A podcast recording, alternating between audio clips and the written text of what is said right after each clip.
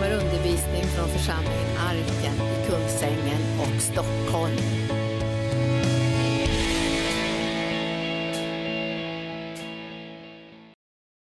Du är kärlek utan gräns och jag älskar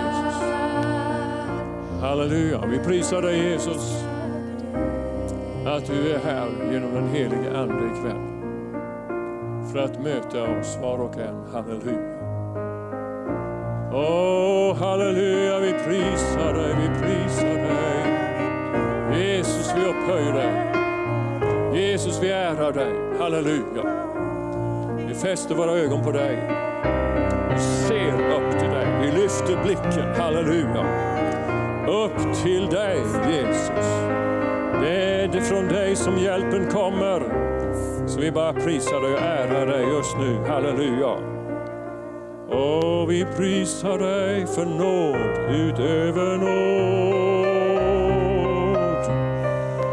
Frid utöver frid. Halleluja. Du är kärlek Ja, du är kärlek utan gräns. Åh, jag älskar dig. Jag älskar dig Jesus. Halleluja.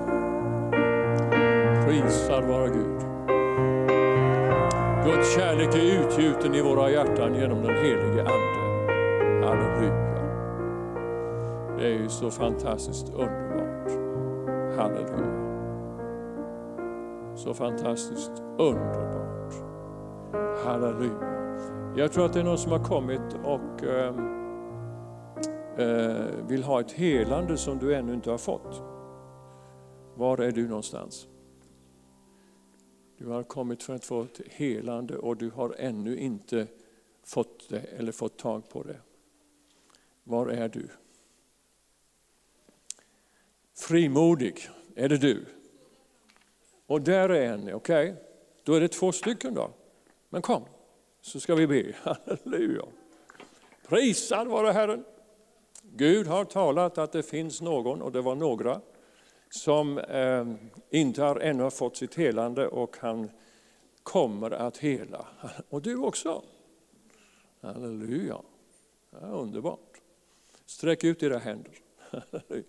Det är Gud som har talat och det är Gud som gör det. Så, halleluja. Prisad vare Gud. Du har det. Du har det. Halleluja. Du har det. Gud har talat. Och du har det. Halleluja. Jag måste se det för det.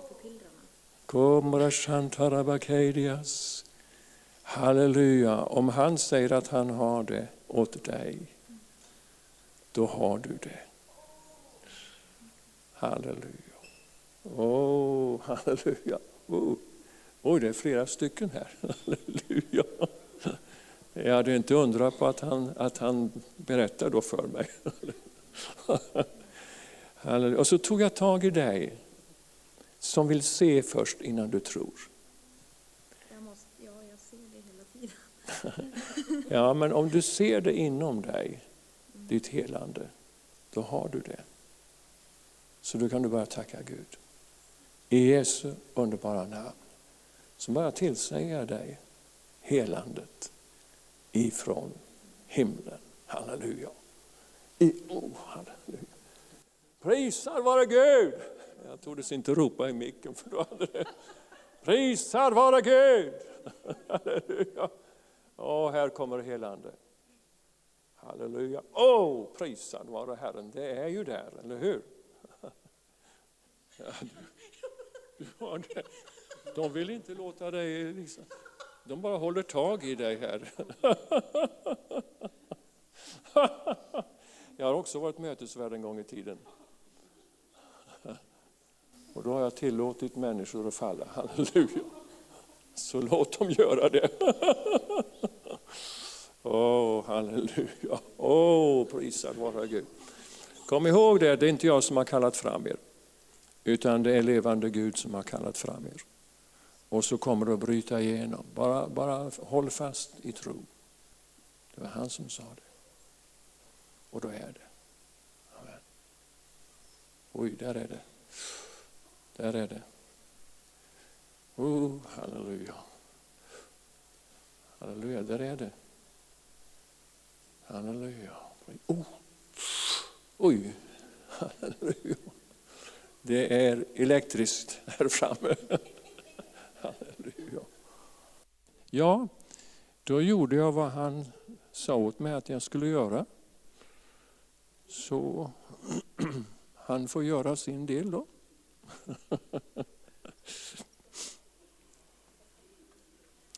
Ja, prisad vare Gud. Jag har tre predikningar här idag, så det är väl lika bra att jag börjar. Ni som känner mig, ni, ni vet att jag, jag brukar ha ungefär 10, 15, 20 papper någonting. Jag ska börja med en väldigt välkänd vers. Eh, och det är eh, från Romarbrevet kapitel 8. Där står nämligen någonting som är så underbart ljuvligt alltså. Så man kan inte tro att det är sant. Jag ska byta glasögon, det är lika bra jag gör det på en gång. Romarbrevet kapitel 8. Så står det va? Det är det första ordet. Så finns nu ingen. Ingen, det betyder alltså noll. Det har jag fattat i alla fall. Det betyder nada och eh, liksom zero, ingenting, absolut eh, inte tillstymmelse utav det överhuvudtaget. Det, det, det finns inte helt enkelt. Va? Ja. Och det är någonting som inte finns, som man tror alltså att det finns därför att man använder så väldigt mycket av det, nämligen fördömelse. Det finns alltså ingen fällande dom som man kan säga över den som är i Kristus Jesus. Varför då? Därför att det har hänt någonting som är så suveränt viktigt för dig och mig att veta, att känna till, att omfamna, att låta sig kyssas av. Det är ett uttryck som jag aldrig använt förut. va? Nej. Men det, det betyder alltså någonting alldeles våldsamt kärleksfullt ifrån himlens Gud för våra liv. Alltså han, han demonstrerar sin fullkomliga kärlek på ett helt vansinnigt, underbart, fantastiskt, suveränt sätt. Eftersom han älskade så världen att han gav sin enfödde son. För att du och jag inte skulle ha en tillstymmelse utav fördömelse när vi är i honom. Ingen fällande dom. Jaha, vad betyder det då? Ja, det står så vidare alltså att livets andes lag har i Kristus gjort mig fri ifrån någonting som var så oerhört plågsamt så man, man kunde inte härda ut utan man var tvungen att, att, att slänga sig på Jesus. Eller hur? För livets andes lag har i Kristus gjort mig fri ifrån syndens och dödens lag. Och Det här är alltså någonting som är utav en, en så mycket större dimension. Ja, alltså det, det finns ingen jämförelse alltså, som man kan ta. Alltså att eh, död och liv, det är ju någonting som är fruktansvärt stor skillnad på. Ja, ganska, ganska mycket i alla fall. Ja. ja. Det, är, det kan vi vara överens om. Ja. Ibland så tänker man, ja död och liv, ja, ja det är väl ingen skillnad på det. det det är att man övergår från ett stadium till ett annat på något sätt och så är det inte mycket mer med det. Men eh, det är ju det som allting hänger på. Alltså vi har ju fått ett liv som är ett liv övernog av liv. Alltså vi har fått ett mått av liv som är helt oerhört, vi som Guds barn. Och jag förmodar att jag talar till, dem, till Guds barn nu. Och så gör jag, är det någon som inte är det så hoppas jag att du blir så nyfiken så att du rusar fram och vill ha det. Därför att det är fråga om ett evigt liv i fullkomligt överflöd. Ifrån död och till liv. Jag, jag vet inte vad jag ska säga här för att du liksom ska... Jag känner att det är lite, det är lite trögt, du liksom fattar inte storleken i, i skillnaden. Du fattar inte storleken i skillnaden helt enkelt. Visst är det så? Vi har, vi har svårt alltså att fatta måttet utav skillnaden mellan död och liv. Och det är det här den här versen handlar om, alltså att vi har övergått ifrån döden. Alltså det är fullkomlig avsaknad av Gud. Och vi har gått in i livet en fullkomlig, eh, en fullkomlig tillfredsställelse och mättnad av Gud. Han har fullkomligt hälsat oss välkomna, vi som var förut fullkomligt borta ifrån honom. Ja, det är frälsningen där som jag talar om. då. Och syndens och dödens lag. Det här, de här verserna kan bli en teori. Det är någonting som man läser och sen så, jaha, ja det står där, ja, syndens och dödens lag, ja, ja, ja, och det är väl bra på något sätt va? ja, på något sätt eftersom det står där, Paulus han är ju inte så dum, han, han, han påpekar ju vissa saker som man skulle kunna ha viss nytta utav. Och vi förhåller oss alltså ibland till Guds ord på det sättet. Ja, det här kan vi väl ha nytta av någon gång kanske. Så jag, ja, jag, jag kan väl läsa lite grann och, och, och, och lite sådär. Va?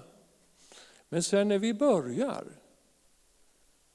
och får tag på det som är i ordet så förstår vi mer och mer vilken våldsam skillnad det är på att vara frälst och inte frälst. Och det är mitt favorituttryck. Alltså. Jag skulle vilja säga det varenda predikan jag har. Alltså. Att det är en våldsam skillnad på att vara frälst och inte frälst. En våldsam skillnad på att vara död eller levande. En våldsam skillnad på ljus och mörker. Ja, nu tillät jag mig ropa lite grann. Ja. Ja, det är inte dumt. Det kallades, en gång i tiden så fanns något som hette roparrörelsen. Och det, då, då var det fart på det hela alltså. Och det berättas en trakt i Närke där så hade, det var en gammal man som predikade och ropade. Han hade inga mikrofoner utan han, han bara stod på en sten och ropade. Den kallas för roparstenen. Och när han blev trött efter det att han hade predikat och ropat ut evangeliet i, i sju, åtta timmar. Då hade han en liten grabb alltså på, vad var han, 12 år någonting, som tog vid och så började han ropa i ett antal timmar och så gick det alltså. Dag efter dag, dag efter dag, så höll de på. Och människor kom dit ifrån alla håll och kanter. De gick alltså 30-40 mil ifrån för att komma till, till den platsen för att höra det här ropet. Halleluja! Och det väckte någonting i människor. Va? Och jag, jag, vet alltså att när man kommer in i ordet, då blir man väckt. Man vaknar till. Och det är underbart att vakna till. Därför att vem ser man då? Man ser Jesus när man vaknar till. Ja, det är inte så dumt. Jag tänker om Jesus var här, då vore det annorlunda minsann. Och då är han här. Han är precis här. Vi är samlade i hans namn och vad då? Vi är fler än två eller tre. Och då är han här. Varför är han här? Därför att han är så våldsamt intresserad av att betjäna dig och visa dig saker och ting, uppenbara saker som finns på Guds hjärta. Och det som fanns på Guds hjärta, så där, oh, helt 110 underbara procent. Va? Han sände Jesus. Varför då? Han såg att lagen klarade inte av att fixa till det. Så sände han Jesus för att fixa till det. Och han kom och han fixade till det. Och därför så gjordes alltså syndens och dödens lag, den verkar inte längre därför att Jesus uppfyllde allting som skulle uppfyllas utav de krav som lagen talade. Du ska och du ska inte. Alla de här du ska och du ska inte är uppfyllda i Jesus. Den här lagen den anklagar och dömer, eller hur?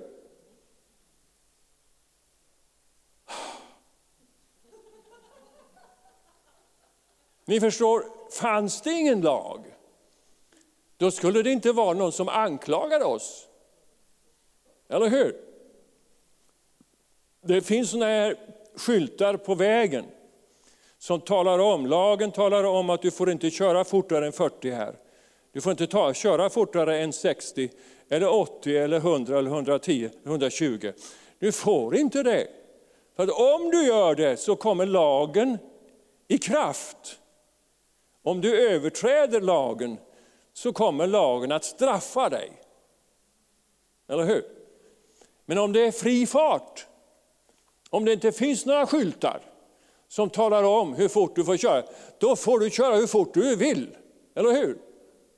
Och det är ingen som talar om att det är fel. Eller hur? Det är en enkel bild va? Ja. Så alltså utan lag så finns alltså ingen, ingen eh, ja, man får göra som man vill. Ja.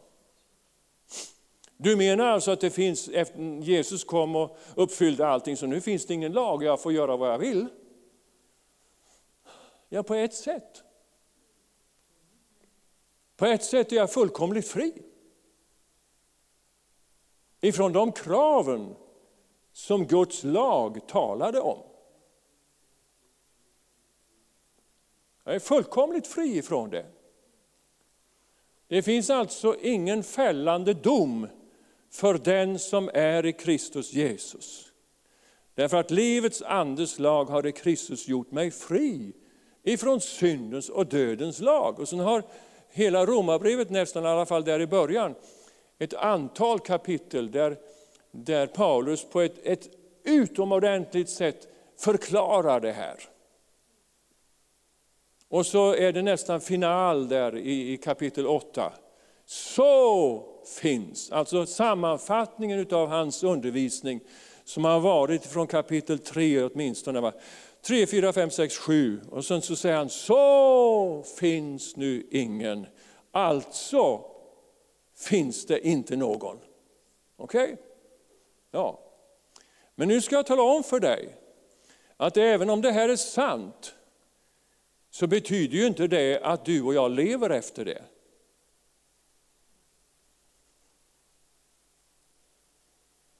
Utan vi lever efter att det möjligtvis skulle kunna finnas lite lagar och förordningar. Och vet du, om man, det, står, det står så här alltså att var och en som följer lagen ska leva genom den, står det i tredje Mosebok på ett ställe. Det betyder alltså om du önskar att följa en lag och bryter den, då är det kört. Då, då hamnar alltså man utanför välsignelserna egentligen. Så man börjar alltså att uppfylla lagar och förordningar. Nu, nu talar jag inte om Svea rikes lag och så, utan det, det är alltså det är det här inre, det som finns inuti mig. Va? Jag ska förklara lite grann vad jag menar. Va? Eh, man har vissa uttryck. Ja, jag kan inte, jag vågar inte, jag får inte. Jag ska, jag måste, jag borde göra, tänka och säga. Ja, jag skulle inte ha, och jag skulle, ja, jag skulle ha kanske, jag borde, ja, jag borde inte ha gjort, tänkt och sagt. Nej, det här går inte, det går aldrig. Vad, vad ska jag, hur ska jag? Jag kunde ju ha, eh, om bara och om bara jag hade sagt och gjort och tänkt så här, så, så skulle, skulle det. Om jag inte hade sagt och gjort och tänkt så här, så skulle, så skulle då på något sätt någonting hända då. Alla andra får, blir och gör och har, men inte jag. Och du och han och ni, de tycker att, vi, att och vill att, och anser att och menar att jag, ja, ja, ja, ja, okej, ja. Alltså det kommer en mängd med olika lagar och förordningar som bara strömmar över mig och ut ur mig. Det är typiskt mig, det blir aldrig någonting utav mig. Jag är dålig, jag är hopplös och mindre värd och värdelös, obetydlig, utanför, föraktad och förkastad. Och jag är inte godkänd. Och, och, och, ja, hur ska jag kunna och vad ska jag göra? Det finns vissa frågor som är väldigt onödiga att ställa. Va? Och jag har några här, jag ska bara tala om för er några som kan vara väldigt onödiga att ställa. Hur ska jag kunna? Vad ska jag göra? Hur gör jag då? Alltså, nu, nu kommer jag alltså med, ni får gärna invända och säga, ja men de frågorna, de, de kan man väl ändå ställa. Och de här tankarna kan man väl ändå ha, det har ju alla andra. Ja, det, det, ni, ni kan gärna möta det här. Ja men hur gör jag då? Vad är det för fel? Vad ska jag välja här och nu då? Varför går det inte? Varför kan jag inte? Och när ska jag? Hur ska jag klara det här? Och, och varför måste jag tro till exempel? Och hur länge ska? Och, och hur länge borde? Och hur länge måste jag? Hur ofta ska? Och borde och måste jag? Hur mycket ska jag? Och borde och måste jag? Varför får inte jag? oh, varför kan alla andra? Varför drabbar det här mig? Och varför är det så svårt? Och varför gör alla så här mot mig? Och varför har Gud? Varför gör inte Gud så? Att, och vilka möjligheter finns nu efter allt detta? Och vilken väg ska jag väl se? Gud hör, Gud förstår, Gud hjälper Gud. Har jag, har jag inte och varför skulle, borde jag, måste detta hända mig och varför skulle, borde, måste jag ha gjort det här? Och vem skulle, borde, måste jag ha valt? Och hur skulle, borde, måste jag ha tänkt och, och vad skulle, borde, måste jag har flyttat till exempel? Och vart skulle, borde, måste jag ha letat? Åh, det finns så otroligt många saker som bara vittnar om alltså att jag lever under lagen. Kände du igen dig i något av det?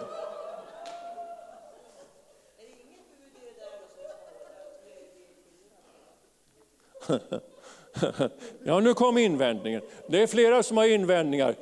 Ja, en del av de här frågorna kan man väl ställa ändå utan att vara i lagen. Eller de här tankarna kan man väl ha utan att vara i lagen.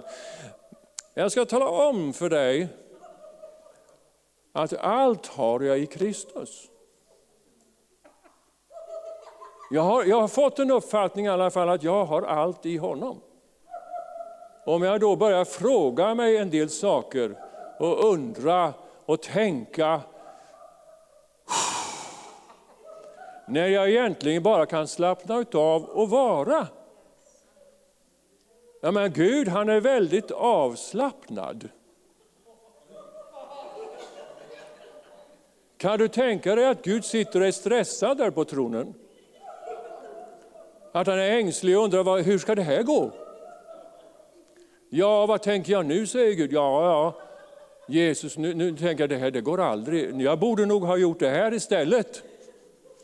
Kan ni tänka er att Gud tänker så? Nej, men du och jag, vi gör det. Varför då? Ja, varför gör vi det? Nej, vi har alltså ett mönster som heter lag i oss utan att vi egentligen vet om det. Och varje gång vi har alltså lagiskheten som drivkraft, inspirationskälla för det vi säger och gör eller inte gör och så vidare, så är vi ute på fel väg. Ja, och då är det väl underbart att slippa det då. Det finns ingen fällande dom. Det finns ingen! Jag är fri, halleluja. Jag är fullkomligt fri. Ja, så är, du, är du det? Ja, du, du ja. Du som står där och sparkar med benen och demonstrerar din fullkomliga frihet. Ja. På olika sätt. Va? Ja. ja, det har inte att göra med det. Men jag vet en som har gjort mig fullkomligt fri. Och det är Jesus. Och varför ska jag gå in och på nytt ta på mig ett träldomsok som det hette förr i tiden? Varför ska jag bära på tunga bördor? Ann-Marie läste att mitt ok är milt och min börda är lätt, säger Jesus. Ja, precis, det är precis det. Det är ett perfekt ord alltså. För varje gång vi tycker att det är tungt och jobbigt och besvärligt, var är vi då någonstans? Vi är under lagen. Nej, säger du det? Jag, kan, jag får inte ens tänka och tycka att det är jobbigt då, någon gång. Ja, visst får du göra det, det finns ju ingen lag. Du får tycka och tänka att det är hur jobbigt som helst. Om det inspirerar dig och du tycker att du är, liksom är fri i det här jobbiga, så håll på.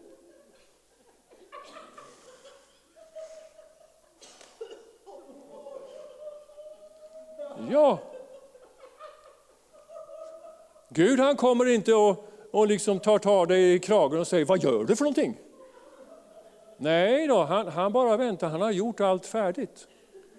Han väntar på att du och jag ska se någonting. Att se någonting, alltså att så finns nu ingen fördömelse eller fällande dom för dem som är i Kristus Jesus. Halleluja! Och det här betyder för min del alltså att jag är fullkomligt fri. Halleluja! Vad kan människor göra mig? Är Gud för mig, vem kan då vara emot mig? Till exempel. Jag undrar om inte det står vidare där i åttonde kapitlet. Halleluja! Så mycket av elände som vi bygger upp inför det som är nu och det som har varit och det som ska komma. Otroligt mycket bördor och elände och jobbiga tankar och saker och ting som du har gjort för länge sedan. De dyker upp, Jops, säger det.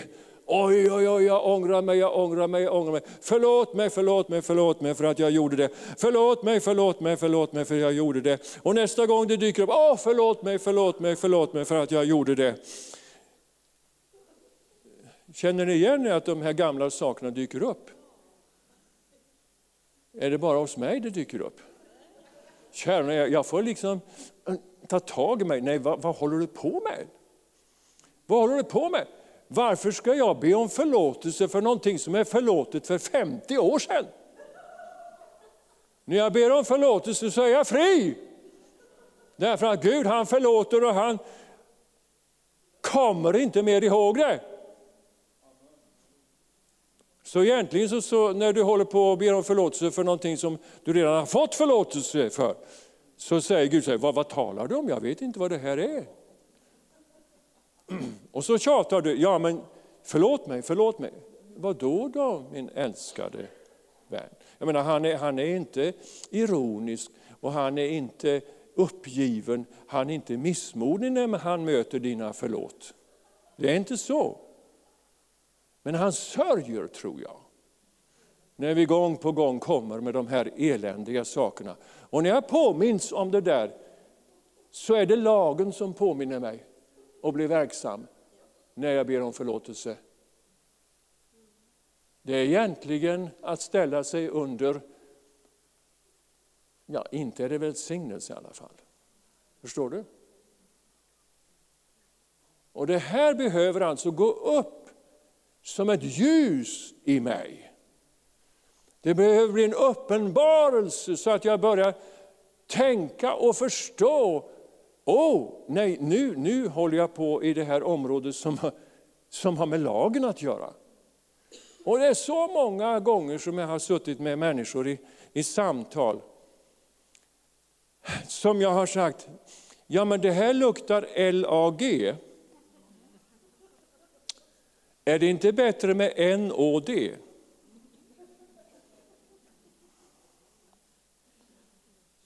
Ja.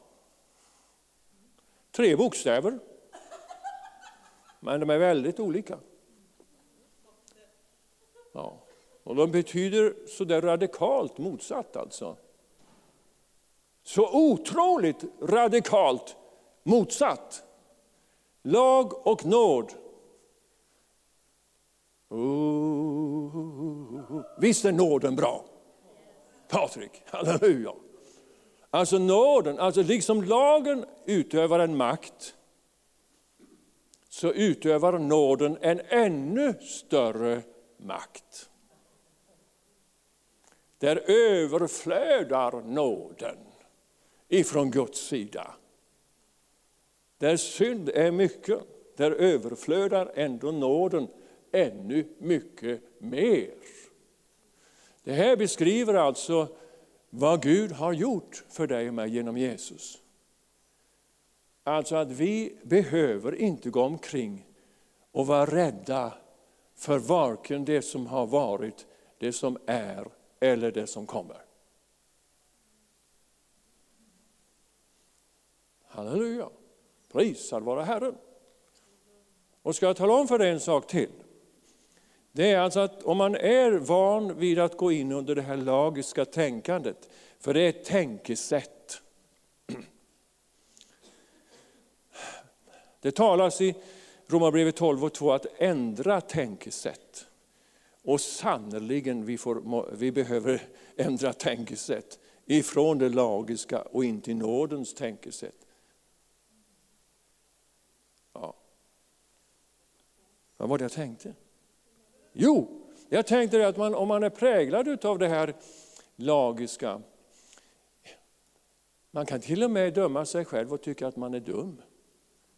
Har du sagt jag är dum? Ja, men då har du ju dömt dig själv. Det är lagen. En sån enkel liten historia. Åh, vad dum jag är. Det vittnar alltså om att jag har ett lagiskt sinnelag. Jag är inte alls dum. Frågar du Gud så, vad säger han? Han säger du är underbar och du är skön alltigenom. Det finns ingen fläck på dig. Därför att du är rättfärdiggjord genom vad min son har gjort. Du är fullkomligt ren. Det är vad Gud säger. Och så säger jag, ja, ja ni tycker det här är lite barnsligt. Det säger ju alla, jag är dum säger de ju ibland. Va? Och det är väl inte så farligt.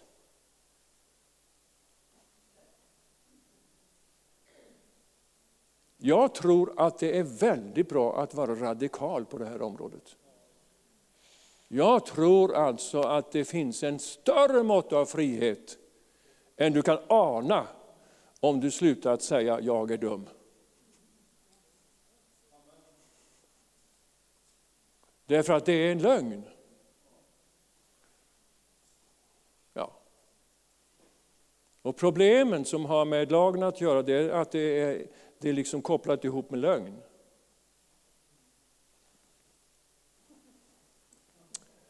Sanningen kommer Jesus och nåden. Halleluja.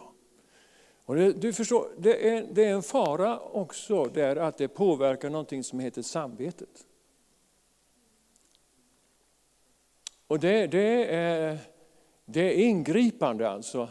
För samvetet är någonting som Gud har lagt ned i varje människa. Samvetet. Men samvetet om vi skulle kolla våra samveten här i, salen här, så är det inte många som har ett likartat samvete. Det är, det är alltså att samvetet är helt beroende på vem som har det. Helt beroende på vilken kultur man lever i, vilka, vilka traditioner som finns och så vidare. I en del kulturer så har man en rent samvete om man mördar någon. Det kallas för hedersmord. Då, då har man ett rent samvete därför man har gjort vad, vad eh, eh heden säger och lagen säger. Eh, och det kan vi inte tänka oss. i vår kultur. Eller hur? Så det, där finns det ju otroliga skillnader. Och jag, eftersom jag, jag säger att vi har olika samveten, de ser ut på olika sätt här. Det beror på hur mycket som jag har, eh, har eh, eh lärt mitt samvete. Vad jag har lärt mitt samvete. För samvetet betyder egentligen, alltså det som Gud har gett, det är ett vetande tillsammans med Gud. Jag vet någonting tillsammans med Gud. Det är därför som han har, har, eh, har gett människan ett samvete. Att veta tillsammans med Gud, vad då? Vad som är rätt och fel.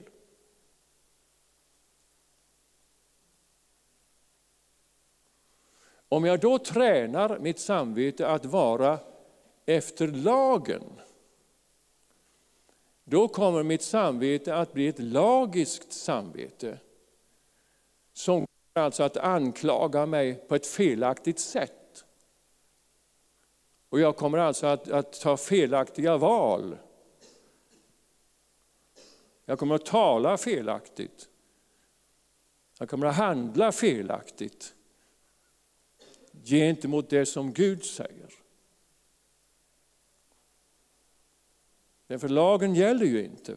Du förstår, ju mer man lär känna Gud, desto bättre samvete får man. Desto renare samvete får jag. Jag kan ha ett sjukt samvete, det vill säga ett samvete som hela tiden påminner mig om det som jag har gjort fel. Ett lagiskt samvete. Det här borde jag, det här skulle jag, det här måste jag. Och har du ett sådant samvete som påminner dig om alltså de här sakerna som har varit fel. Ja, då har du alltså ett sjukt samvete. Och då behöver du lära ditt samvete vad som gäller. Alltså du behöver ta in det som är sanningen efter Guds ord. Halleluja. För att veta någonting tillsammans med Gud innebär en fullkomlig, fri och, eh, fritt och härligt samvete.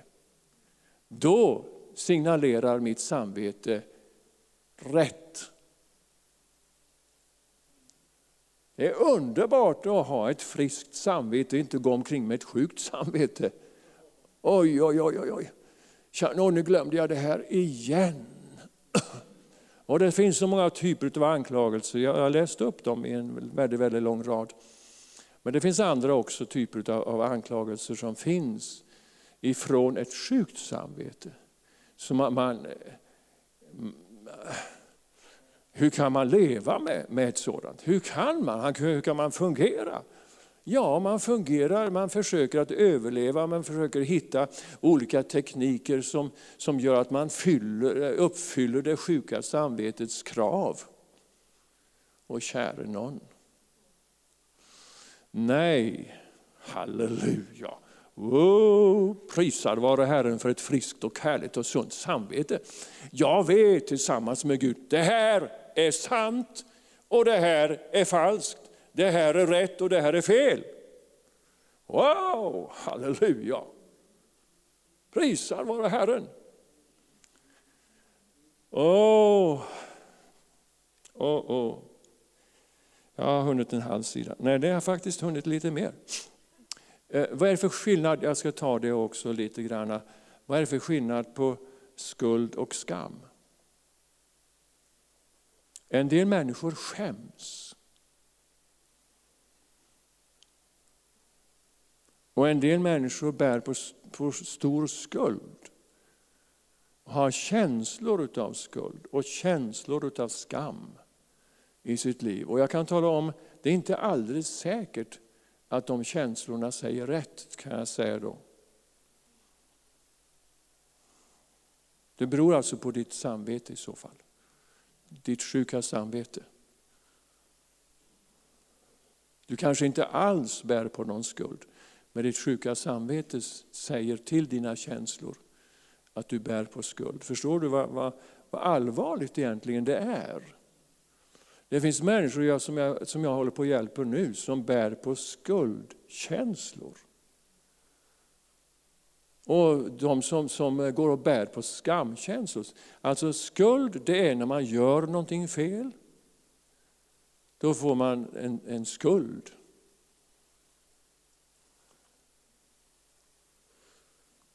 Men om man är fel, om man upplever att man är fel, då får man skamkänslor.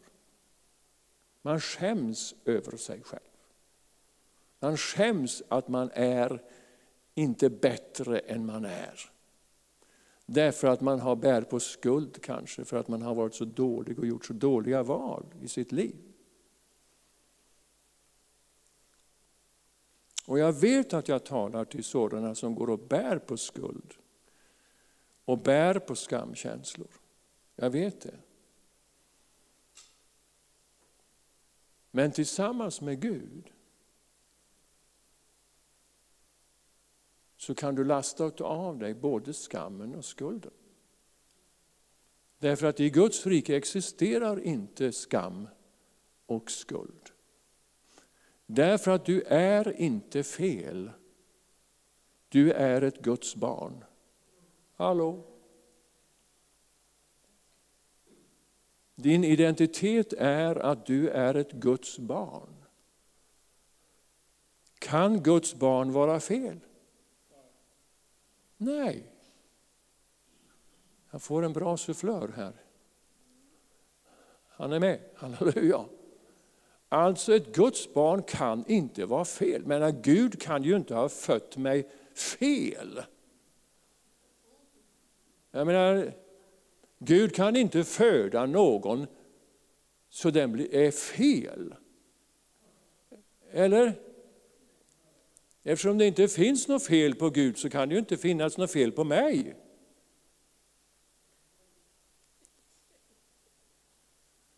Hallå?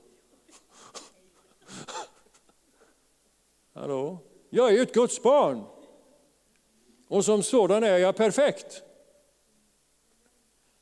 Och jag skäms inte över att vara perfekt.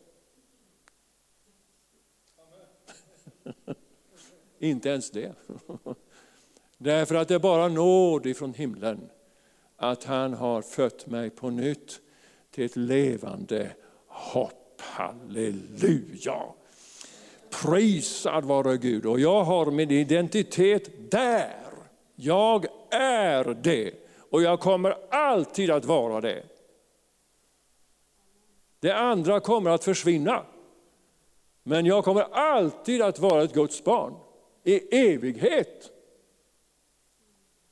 Och det är inte dåligt. Halleluja. Så jag skäms inte över mig. Jag ser ibland att jag gör fel, men det betyder inte att jag är fel. Hallå? Det är en väldigt viktig skillnad. Det gamla är förgånget, se det nya har kommit. Halleluja! Det nya har kommit. Vad är det?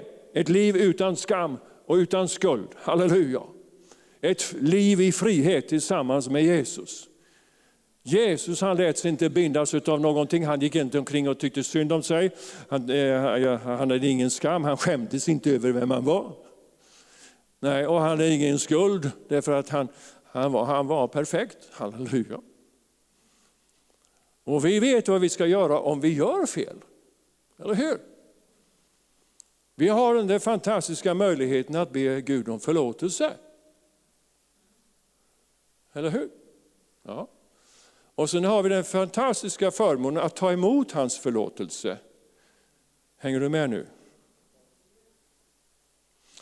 Och vi har alltså den fantastiska förmånen att eftersom Gud förlåter mig så tar jag emot förlåtelsen och jag förlåter mig själv. Hallå?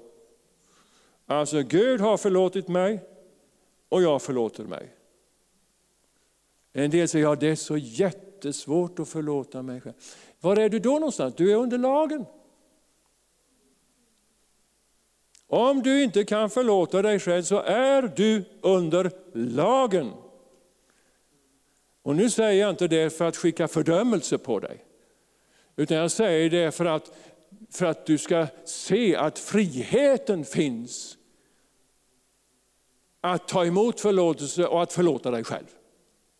Det är en, det är en frihet. Halleluja! Så du kan inte ens gå omkring och bära, en, sk- bära på skuld till dig själv. Åh, får jag inte bära på någon liten skuld? Ja, men jag, jag, jag vill ju gärna, så gärna ställa till rätta. Det finns de som har öm, väldigt ömtåliga samveten. Våldsamt ömtåliga. Så fort de har gjort någonting så ska de ställa till rätta. Och så folk som möter dem, så, vad håller han på med nu igen? Och det var väl ingenting.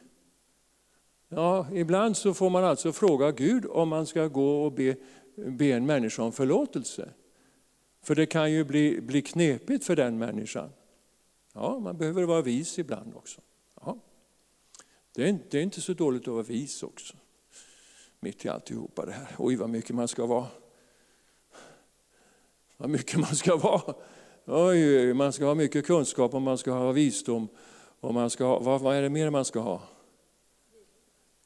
Tålamod och så ska man ha saktmod och man ska ha mildhet och man ska ha... Oj, oj, oj vad mycket man ska ha. Det är, nu kommer hela lagen va? Alltså det där, du förstår, mildhet det kommer. Ja, det kommer. Därför att du har det. Tålamod, det kommer. Därför att du har det. Vad menar du nu? Ja, du förstår. Det finns en person som heter den helige Ande. Eller hur? Den helige Ande. Okej. Var bor han någonstans? Han bor i min ande, eller hur? Okej? Eh, eh, eh, har han kärlek? Har han visdom? Vishets och råds ande?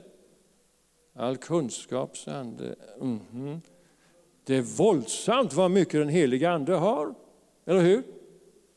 Och var bor han? Han bor i mig. Vem är det då som har det? Det är jag. Ja. Halleluja.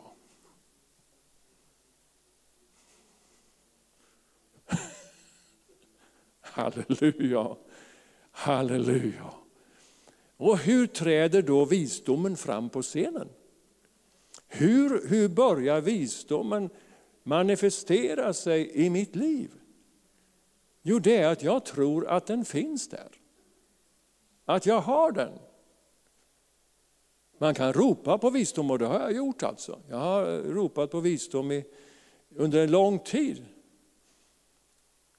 Men nu ser jag ytterligare någonting. Jag ser att jag har den.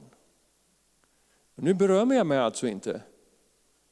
Jaha, du är vis du. Va? Eh. vad, vad, vad tänker ni? Och ödmjuk, ja, ja du är ödmjuk du. Det ser man inte så mycket av. Jo, jag är det. Därför att jag har det. Därför att den heliga Ande bor i mig. Halleluja. Halleluja. Är inte det, är inte det underbart? va? Istället för att prestera visdom så får vi det. Därför att vi har det.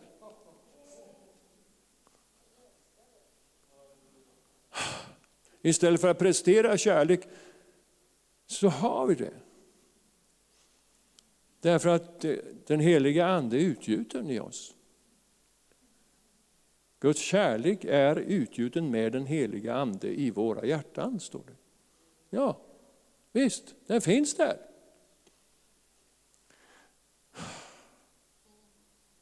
Hur ska det här förlösas? Nyckeln är som alltid att tro. Nyckeln är alltid TRO. Det är en trehållarnyckel, ett trehållarlås. TRO, halleluja.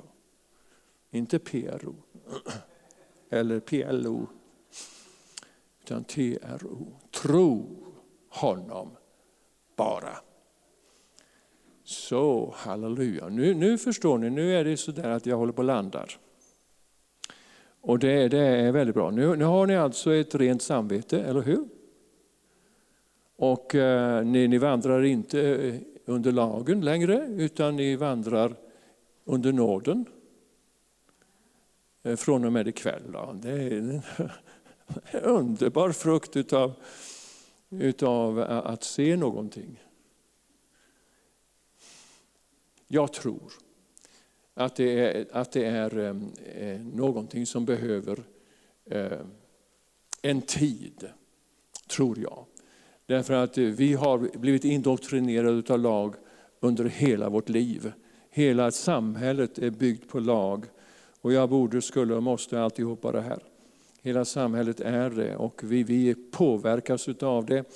Så därför så, så behöver, behövs det en avprogrammering i våra, i våra sinnen. Så att vårt hjärta bli fritt ifrån det som har med lagen att göra. Och vi intar alltså vår frihet successivt. Men det kan ju börja någonstans i alla fall. Jag brukar säga det, du kan ju börja idag.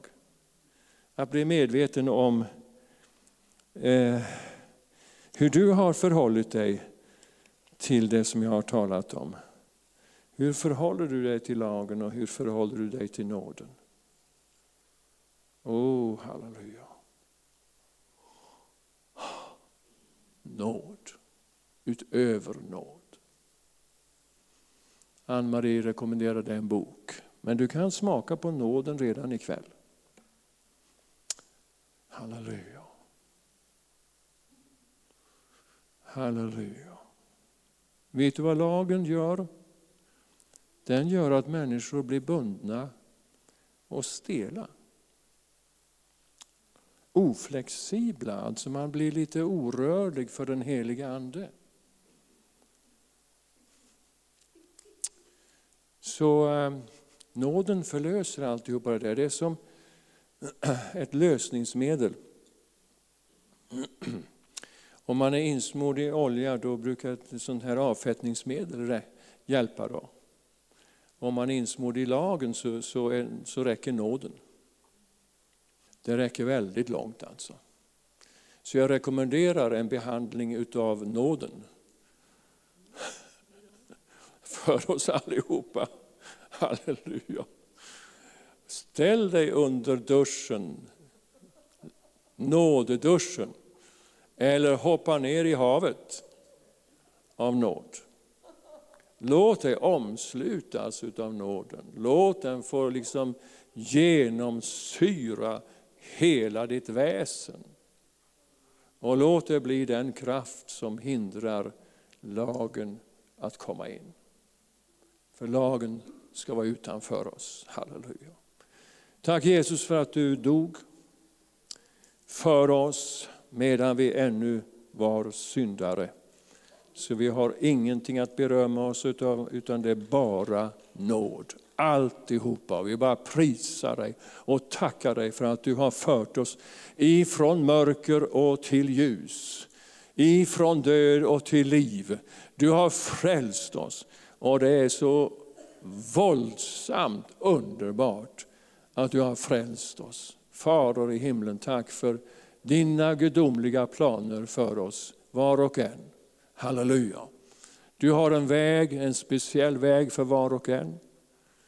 Och jag bara ber Gud att de ska se och låta sig upplysas om var den vägen går. Och jag tackar dig för att de ska lära känna ditt ord och din sanning. Och du säger att ditt ord är en lykta på min vandring. Så jag bara prisar och tackar dig för att var och en här har det allra bästa framför sig. Halleluja! Prisad vare Gud. Åh, halleluja. Åh, halleluja, halleluja.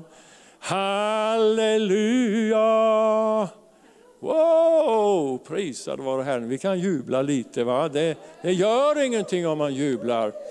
Det gör ingenting. Hur, hur deppig man än är så kan man ju tillåta sig att vara glad. halleluja. Oh, halleluja. Prisad vare Herren. Ja, ska vi ta och prisa Gud då? Hörni, sätt fart nu. halleluja. Oh, oh, oh, halleluja. Underbart. Vi ska be speciellt. Eh, ja, ni var ju en del ifrån, ifrån helande dagarna som kom fram. Men kom fram allihopa ifrån helande dagarna och ställ er på rad så ska vi be för er. Och välsigna er, ni underbara Herrens älskade. Halleluja. Ni vet att Gud älskar, älskar er va? var och en speciellt. Alldeles speciellt älskar han dig. Han älskar dig inte för att du är perfekt eller att du är duktig. ja, ja. Åh, får jag inte vara duktig nu? Nej, du har ingenting att berömma dig utav. Det, det, det är så. Så du kan slappna av fullkomligt. Halleluja. Han älskar dig alldeles fullkomligt. Så vi ber att några ifrån helande dagarna, ni som har varit med där och bett för vännerna kommer här och välsignar. Halleluja, i Jesu namn. Och nu älskade vänner, ni, ni vet att ni är älskade va? Vet du att du är älskad? Fullkomligt.